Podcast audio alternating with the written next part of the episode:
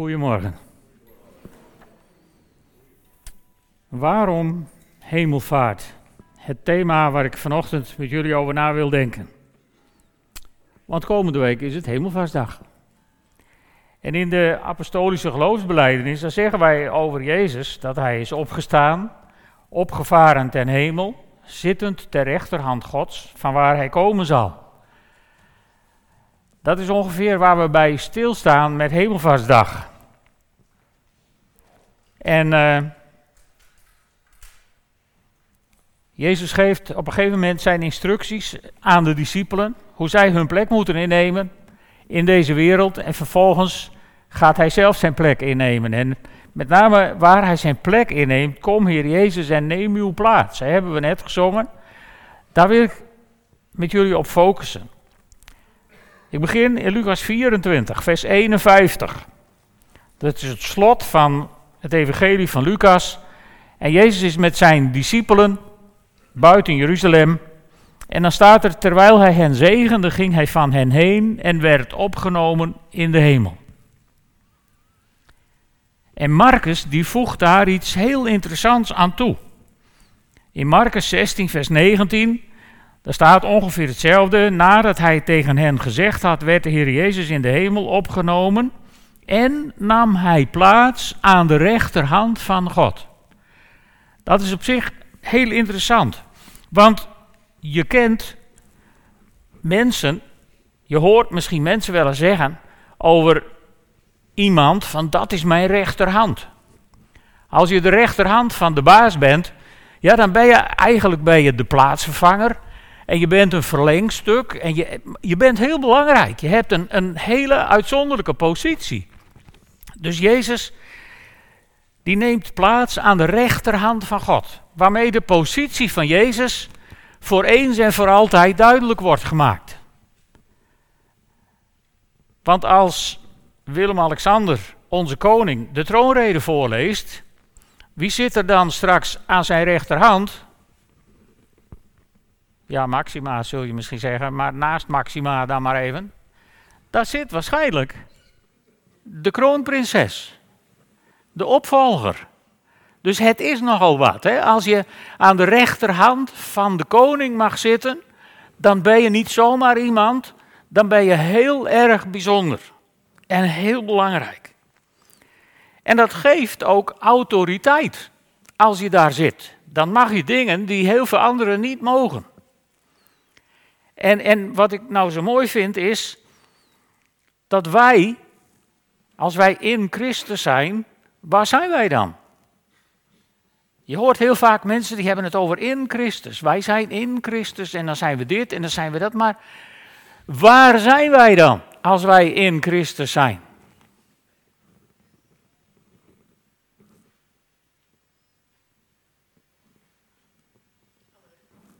Ja, ja, ja. Hoe moeilijk is het?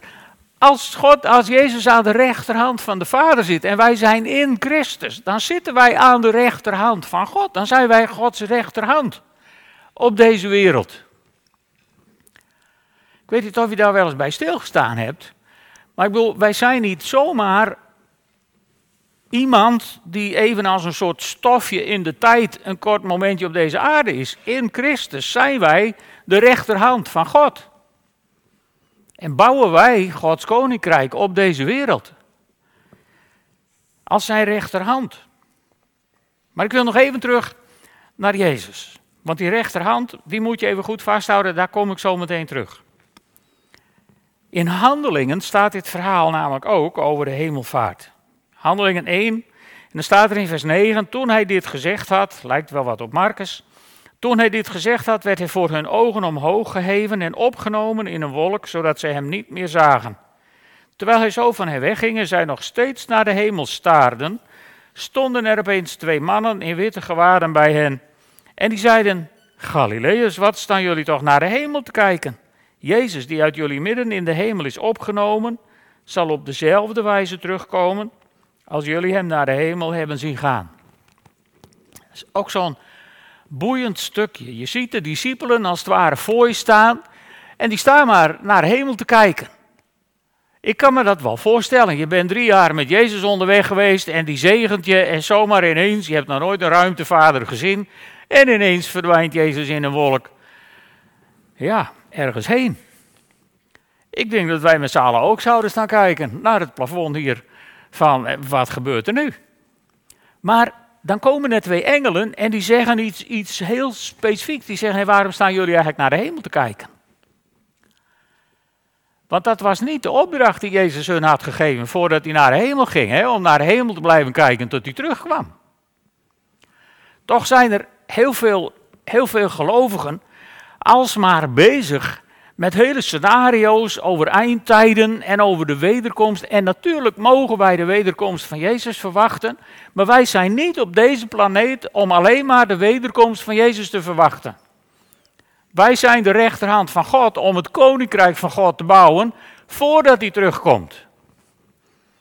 En, en als we alsmaar met de wederkomst bezig zijn, alsmaar naar de hemel staan te staren als het ware, dan komen we niet aan de slag.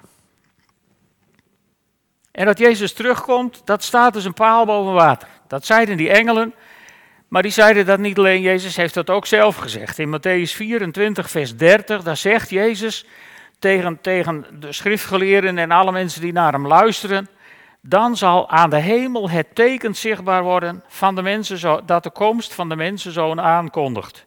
En alle stammen op aarde zullen zich van ontzetting op de borst slaan als ze de mensenzoon zien komen op de wolken van de hemel bekleed met macht en grote luister. Dus dan zullen veel mensen zich realiseren dat het toch waar was. Dat evangelie, dat het toch waar was. Dat boek wat christenen Bijbel noemen. Heel veel mensen zullen zich dan op de borst slaan van ontzetting. En misschien denken, hadden wij ook maar geloofd. Hoe het verder met die mensen komt, zegt Jezus in dat stukje niet. Dat is ook onze zaak niet. Maar het gaat gebeuren op een dag. En misschien maken wij dat mee, misschien ook wel niet. Dat doet er niet toe, maar het gaat gebeuren. Dat staat als een paal boven water. Maar ik wil met jullie terug naar de hemelvaart. Waarom ging Jezus naar de hemel? De Bijbel geeft daar een aantal redenen voor. Jezus zei zelf in Johannes 14, vers 2: In het huis van mijn vader zijn veel kamers zou ik anders gezegd hebben dat ik een plaats voor jullie gereed zal maken. Dus Jezus ging naar de hemel om een plaats voor jou en mij klaar te maken. Daar kunnen we heel lyrisch over praten, daar kunnen we heel geweldig over doen. Keith Green heeft daar een prachtig lied over geschreven waarin hij zegt, stel je nou eens voor dat God die prachtige schepping maakte in zes dagen en nu al 2000 jaar knutselt aan mijn huis in de hemel, dan moet dat een heel bijzonder huis zijn. Dat klinkt heel lyrisch, maar op een dag als de engel voor de deur staat en zegt, nou het is jouw tijd om mee naar je huis boven, dan wil niemand van ons eigenlijk mee. Hè? Dat stellen we graag zo lang mogelijk uit. Dat is ook goed. Blijf dat ook vooral doen, hou van het leven. Maar weet dat als je tijd komt, dat er een plaats voor je klaargemaakt is in de hemel. Bij God. Daarvoor was een van de dingen waarvoor Jezus naar de hemel ging. Maar er is nog een veel belangrijkere. Er staat in Romeinen 8, vers 34. Christus Jezus die gestorven is, meer nog die is opgewekt en aan de rechterhand van God zit, pleit voor ons. Dus we hebben in de hemel iemand die alsmaar een goed woordje voor, u doet, voor ons doet. Dan moet je niet voorstellen dat bij alle ellende die wij uithalen, dat Jezus tegen de Vader zegt, nou het hindert niet, doet er niet toe, laat hem zitten. Dat is niet pleiten voor. Maar Jezus pleit voor ons aan de rechterhand van de Vader. Dat staat eigenlijk nog veel, veel liever, veel schattiger in de Bijbel in 1 Johannes 2. Ik weet niet hoe het jullie gaat, maar als ik de eerste, het eerste hoofdstuk van 1 Johannes lees, dat is zo'n beetje zo, zo, ja, ik vind het wat een deprimerend hoofdstuk. Want dat gaat er alsmaar over dat je als christen niet zou kunnen zondigen. En als ik dan aan het eind van de dag even terugkijk, dan denk ik van, moh, niet 100 punten. En dan begint hoofdstuk 2. En dat lijkt op dezelfde manier te beginnen, want dan begint Johannes, kinderen, ik schrijf u dit opdat u niet zondigt. En dan denk je, ja, alweer, maar dan, let op. Nu komt het liefste zinnetje uit de hele Bijbel. Vind ik. Want wat zegt, wat zegt Johannes dan? Dan zegt Johannes, maar mocht een van jullie nou toch zondigen, hè, mocht het je nou toch bij de handen om afbreken, even een slip of de pen vandaag of een slip of de tong, mocht je vandaag nou toch zondigen, dan hebben wij een pleitbezorger bij de Vader, Jezus Christus, de rechtvaardige. Vind je dat niet lief? God die er alles maar op hamert dat je niet mag zondigen. En dan aan het eind zegt God, als het nou toch mislukt, weet je, daar regelen wij het voor je. Dan heb je een pleitbezorger bij de Vader. Hoe lief is God?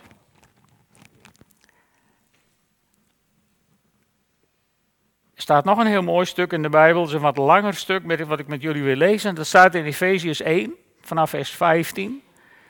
En ik lees dat zometeen uit de herziene statenvertaling. Want het gevolg van de hemelvaart van Jezus is overweldigend. Veel overweldigender misschien wel dan wij beseffen. En ik vind dat heel mooi verwoord door Paulus in Efeze 1. Vanaf vers 15. Daarom, omdat ook ik gehoord heb van het geloof in de Heer Jezus onder u en van de liefde voor alle heiligen, houd ik niet op voor u te danken als ik in mijn gebeden aan u denk opdat de God van onze Heer Jezus Christus, de Vader van de heerlijkheid, u de geest van wijsheid en van openbaring geeft in het kennen van Hem. Namelijk, verlicht de ogen van uw verstand, om te weten wat de hoop van Zijn roeping is en wat de rijkdom is van de heerlijkheid van Zijn erfenis in de heiligen. En let op, en wat de alles overtreffende grootheid van Zijn kracht is die aan ons is gegeven. Aan ons die geloven, overeenkomstig de werking van de sterkte van zijn macht, die hij gewerkt heeft in Christus toen hij hem uit de doden opwekte en aan zijn rechterhand zette in de hemelse gewesten. Die overweldigende kracht is dus ons deel geworden, die is beschikbaar gekomen voor jou en mij. En wat betekent dat? Dat betekent ver boven alle overheid en macht en kracht en heerschappij en elke naam die genoemd wordt, niet alleen in deze wereld, maar ook in de komende. Daar staan wij dus ver boven verheven, zegt Paulus hier. En hij heeft alle dingen aan zijn voeten onderworpen. En hij heeft hem als hoofd over alle dingen gegeven aan de gemeente, die zijn lichaam is. En de vervulling van hem die alles in allen vervult. Weet je, dit brengt ons bij de positie van Christus. Maar het brengt ons ook bij de positie van ons. Want Paulus heeft het hier over Christus als het hoofd. En hij heeft het over de gemeente als het lichaam. En nou wordt hij spannend. Als Jezus het hoofd is en alles aan zijn voeten onderworpen is, en de kerk het lichaam is, is alles ook aan ons onderworpen. Want alles wat onder mijn voeten is, zit ook onder mijn lijf en dat zit ook onder mijn hoofd. Dat is geen hogere wiskunde. Maar stel je nou deze vraag eens af met mij.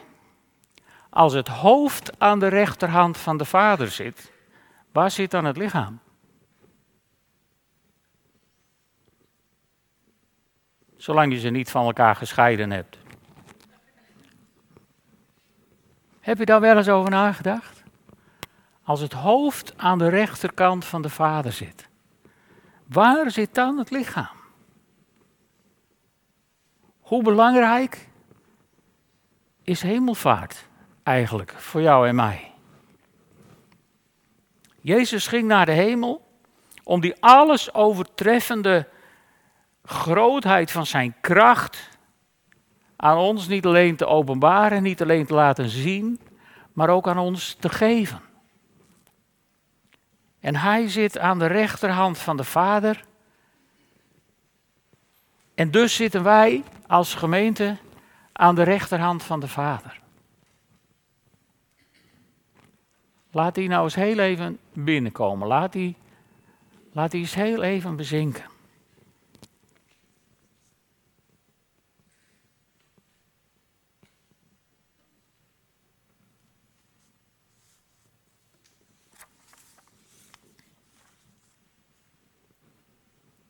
Ik heb zo net over die rechterhand gezegd, dat is de plek van de positie.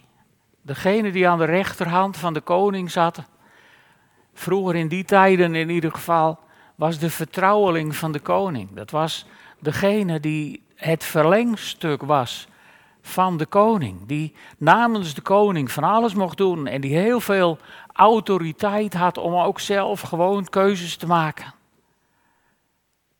Net zo goed als in een, in een bedrijf de rechterhand van de directeur bent, dan ben je een van die mensen die niet eerst alles hoeft te vragen, maar die ook zelf keuzes mag maken, zelf beslissingen mag nemen, zelf dingen mag doen. En die positie, die hebben jij en ik in het koninkrijk van God. Kun je je daar iets bij voorstellen? Wat dat betekent? Ik denk dat we daar vaak veel te gemakkelijk mee omgaan. Dat we het ons niet half realiseren wat voor machtige positie wij hebben op deze wereld waarin wij staan. En het is eigenlijk heel verdrietig om te zien hoe weinig christenen in mijn ogen in die autoriteit leven. En dan bedoel ik niet dat je luider moet roepen, dan bedoel ik niet dat je alle zieken moet genezen die er zijn, maar dan bedoel ik wel dat je, als je een zieke ontmoet, je moet realiseren, maar ik ben de rechterhand van de Vader, dus als God iemand een rechterhand op wil leggen, dan die van mij. Of die van jou, maar net wie het eerst bij de zieke is. Dan hoeven we niet dingen te claimen. Dan hoeven we niet, niet, niet met een hoop kabaal iets af te dwingen. De rechterhand van de vader hoeft niks af te dwingen bij de vader. Die heeft namelijk alles gekregen wat hij nodig heeft. Die mag staan in zijn autoriteit.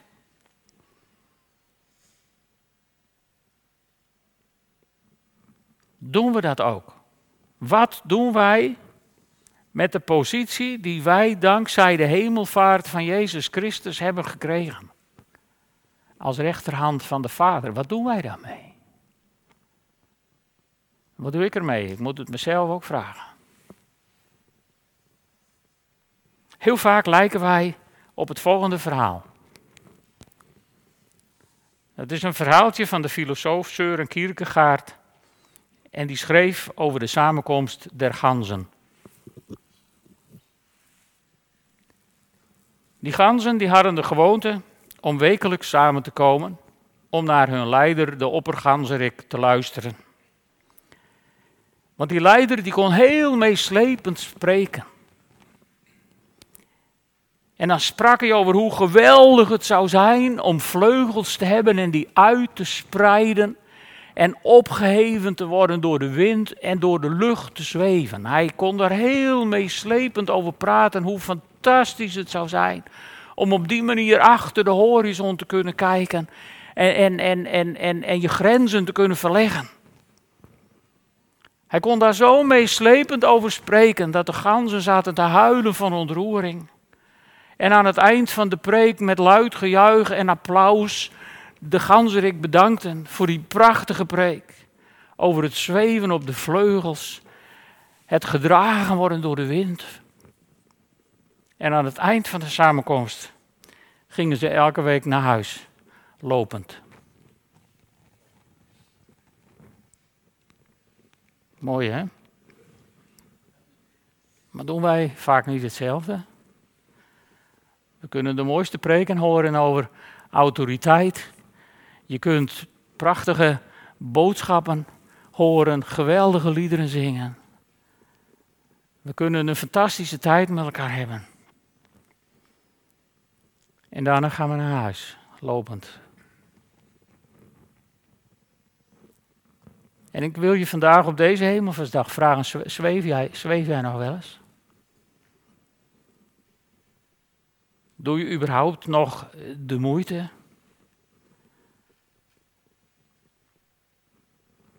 Ken je nog de oude huisdisciplines? Bijbel lezen, bidden, stille tijd nemen om eens even te mediteren over hoe geweldig het zou zijn om vleugels te hebben en op die vleugels op de wind van de geest te zweven door deze wereld. En eens even een andere horizon te hebben dan de horizon van het acht uur journaal.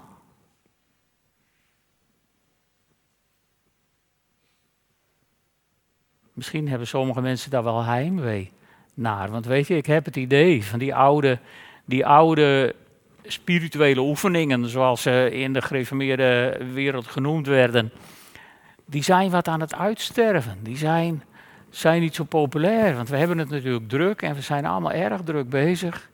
Maar neem jij nog wel eens tijd om gewoon in de stilte even bij God te zijn? Denk je dat Jezus aan de rechterhand van de Vader de hele dag op zijn mobiel zit om te kijken wat er op deze wereld gebeurt en het nieuws volgt en al zijn appjes leest en zijn WhatsAppjes allemaal nagaat over op deze aarde misschien ook iets fout gaat? Ik denk dat Jezus aan de rechterhand van de Vader zit en af en toe even kijken, naar links kijkt, hè, want daar kijk je dan. E-, even naar links kijkt gewoon om het gezicht van de Vader even te zien. En dat de vader dan even terugkijkt en hem een knipoogje geeft en even naar hem glimlacht. Maar als het hoofd aan de rechterhand van de vader zit, lieve vrienden, waar zit dan het lichaam? Kijk jij wel eens even stiekem naar links om even in de ogen van God te kijken? Even een knipoog van hem te ontvangen en even gewoon die glimlach op zijn gezicht te zien. Want wij kunnen met die autoriteit die we hebben gekregen, kunnen wij alles willen. En, en, en, en dat kan helemaal geweldig zijn. Maar wat blijft er van over als we ons niet bewust zijn dat we aan de rechterhand van de Vader zitten? Zo dicht naast Hem. Zo in Zijn aanwezigheid dat je als het ware de warmte van zijn lijf bijna kunt voelen. En ik ga je vandaag niet uitdagen om met veel geweld in die autoriteit te gaan staan die je hebt als rechterhand van de Vader. Ik wil je vandaag op deze hemelvaartsdag uitdagen. Om misschien op een stil moment eens even te gaan zitten. En eens even te denken, oh ja, als ik aan de rechterhand zit, dan zit de Vader daar. Laat dat eens een paar keer door je heen gaan, de komende dagen. Over twee weken vieren we Pinkster. En dan wil ik met jullie ingaan op dat laatste belang van Hemelvaartsdag.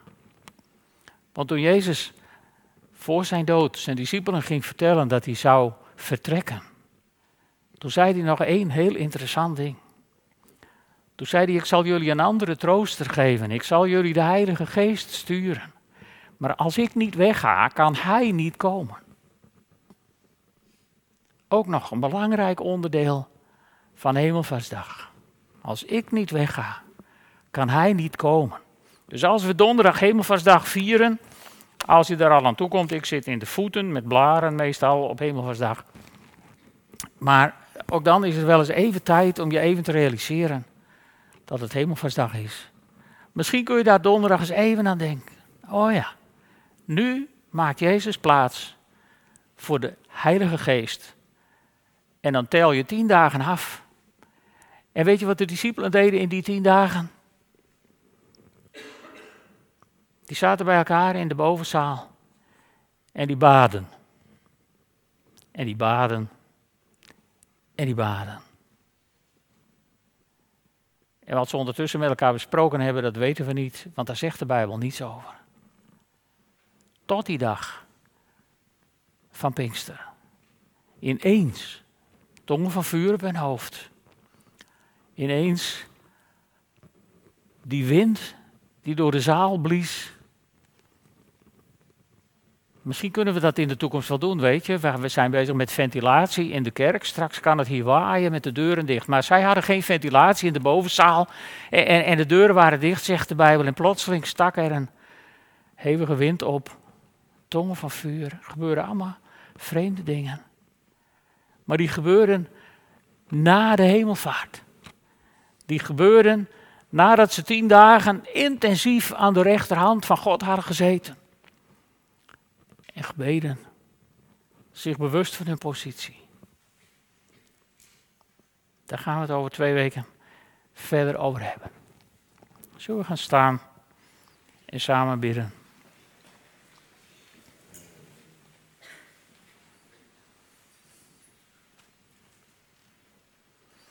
Heer God, hoe bijzonder is het om aan uw rechterhand te zitten.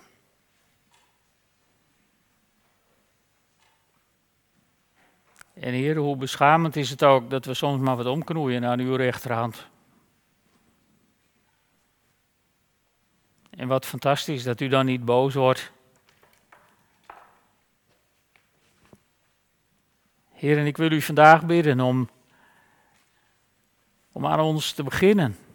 Aan de voorbereiding voor dat Pinksterfeest. Heer, laat ons realiseren, ieder moment van de dag, dat we aan uw rechterhand zijn. En dat we uw rechterhand zijn. Dat wij u mogen vertegenwoordigen op deze wereld. En Heer, dat doen we met alle schroom, dat doen we met alle bescheidenheid. Want wie zijn wij in vergelijking met u? Maar u, Heer, vanuit uw grootheid vond ons goed genoeg om uw rechterhand te zijn.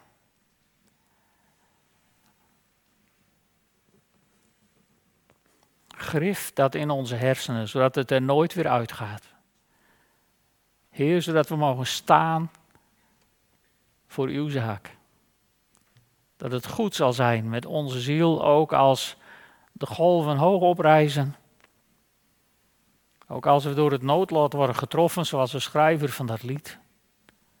En dat we dan toch dwars door alles heen, in elke situatie kunnen zeggen: It is well with my soul. Dank u wel, Heer, dat we daar mogen zijn. Aan uw rechterhand in Christus.